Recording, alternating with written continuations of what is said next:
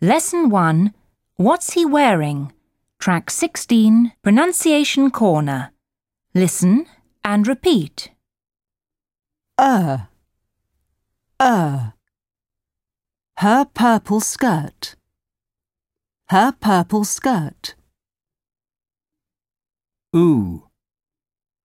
Ooh. Two blue shoes. Two blue shoes.